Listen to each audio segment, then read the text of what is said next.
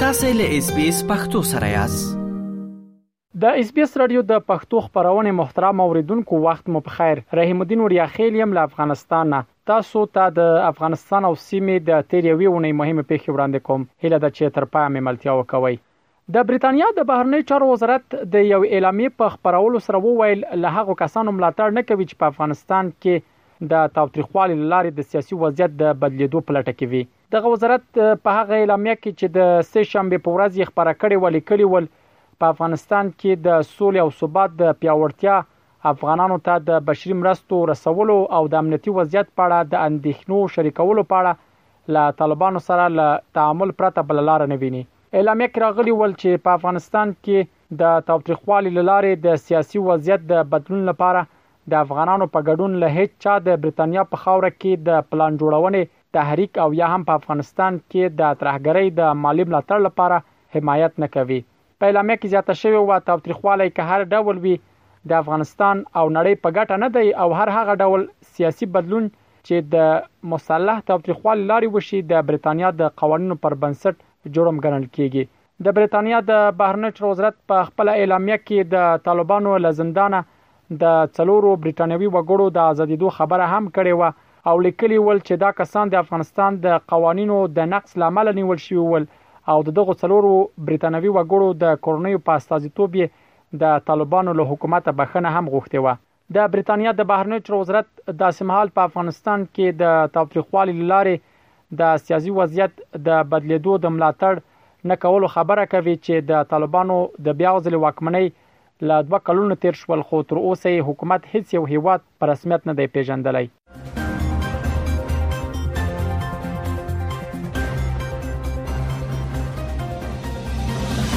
د طالبانو سرپرست حکومت په لندن او ویانا هیوادونو کې د افغانستان د سفارتونو د کونسلي خدماتو ځنډولو پریکړه وکړه د طالبانو د بهرنی چارو وزارت ویاند وویل په لندن او ویانا کې کونسلي خدمات د شفافیت نشټوالي او له کابل سره د نه همکارۍ لامل ځنډولې دي د طالبانو د سرپرست حکومت د دغه پریکړې پر اساس له دې وروسته په دغو دوو هیوادونو کې ټول کونسلي خدمتونه لکه د پاسپورتونو تمدید او صدور، د ویزو صادرول او د اسنادو تضمینونه تصدیق کول بند دي. د طالبانو د بهرنیو چارو وزارت دا ونه ویل چې بریتانیا او ویانا کې میشته افغانان د کونسلي خدمتونو لپاره کوم ځای ته ولاړ شي خو دا یې وویل چې تر دویمې خبرتیا دې یادو سفارتونو ته نه ورځي. د طالبانو سرپرست حکومت داسې مهال په لندن او ویانا هیوادونو کې د افغانستان د سفارتونو د کنسولي خدمتونو ځنډولو پریکړه کوي چې په دې ورستیو کې په اسپانیا کې د افغانستان سفارت له طالبانو سره د تعامل او همکاري اعلان کړی د طالبانو حکومت چې تر اوسه هیڅ هیواد په رسمیت نه دی پیژندلی د اروپا په ګډون غنو هیوادونو کې افغان سفارتونه د طالبانو حکومت استازولي نه کوي. خو طالبانو په دې وروستیو کې هڅې پیل کړي چې ورو ورو په اروپا او نورو هېوادونو کې سفارتونه په یو نه بل ډول خپل کړي.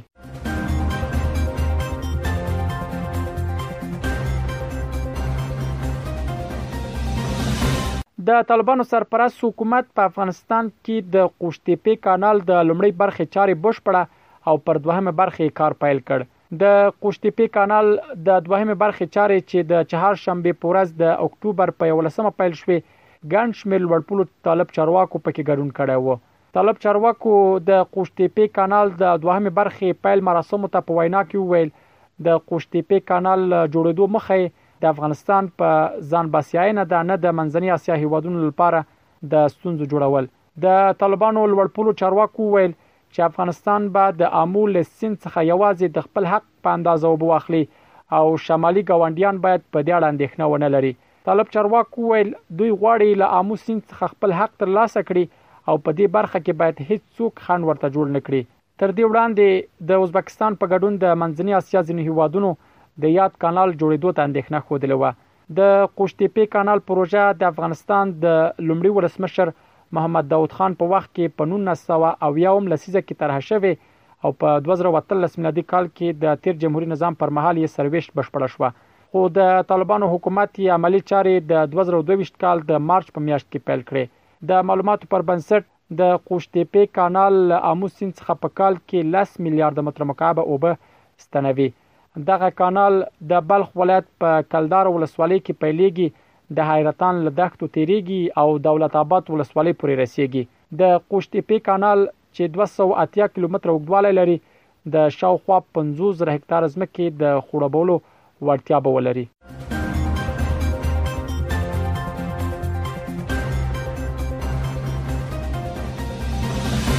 د ملګرو ملتونو بشري حقوقو شورا د افغانانو حقوقو په پاره یو پریکړه لیک تصویب کړ. دغه پریکړه لیک چې مسوده یې د اروپאי ټولنې په استازیتوب هسپانیا د دې شورا شپږ څلوېښتمې غونډې ته وړاندې کړې و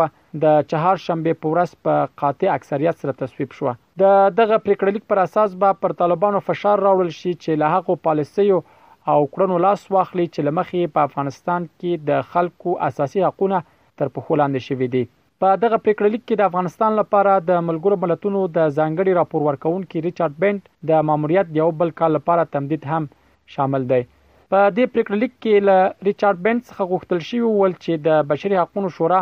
په څلور پنځوس مه غونډه کې د هغه د وړاندې شوي راپور پر بنسټ د ملګرو ملتونو د کاري ډلې او نورو اړوندو اشخاصو او بنسټونو سره په همغږۍ کې د افغان ښځو او نجونو د بشري حقونو په هکله راپور چمتو او د بشري حقونو شورا ته یې وړاندې کړي. د یادونې ده چې چین او پاکستان هغه هېوادونه دي چې دغه پرېکړه لیک ته یې رایې ورنه کړلې.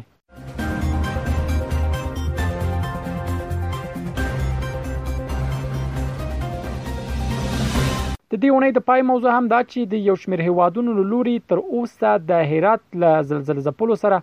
شاوخوا 9 میلیونه ډالر مرسته اعلان شوه د ملګرو ملتونو د معلوماتو لمخې په دغه مرستو کې 15 میلیونه یورو آلمان 2.5 میلیونه یورو سویس، یو میلیون ډالر اسټرالیا، پنځه میلیونه یورو ایرلنډ او یو میلیون ډالر هم جاپان کړې ده. ملګرو ملتونو ویلي چې دغه مرستې به د دوی د مرستندویه ادارو له لوري پر اغېزمنو خلکو ووېشل شي. ملګرو ملتونو وویل چې د تېرو څو ورځو پرله پسې زلزلو له امله دیارلس کلي ویجاړ شوي او شاوخوا اوولس زره کسان ترې اغیزمن شوي دي. د یادونې ده چې په هرات ولایت کې وروستیو زلزلو چې لومړۍ یې د تلې یا میزان په پنځلس مه وشوه تر ټولو خونړۍ زلزله وه چې تر نږدې دوه زره کسان پکې مړه شول او سلګونه نور ټپیان شول خو دوهمه زلزله چې د چهار شنبې په ورځ د تلې یا میزان په نهه مه وشوه تر لومړۍ زلزلې ځاني تلفات کم ول. دا ول د افغانستان او سیمې د تیر یوې اوڼۍ مهمې پیښې چې ما تاسو ته وړاندې کړې. تر بیا ښې چارې. اس پی اس پختو په فیسبوک کې تا کې پلی مطلب یو فاک کړئ نظر ور کړئ او له نورو سره شریک کړئ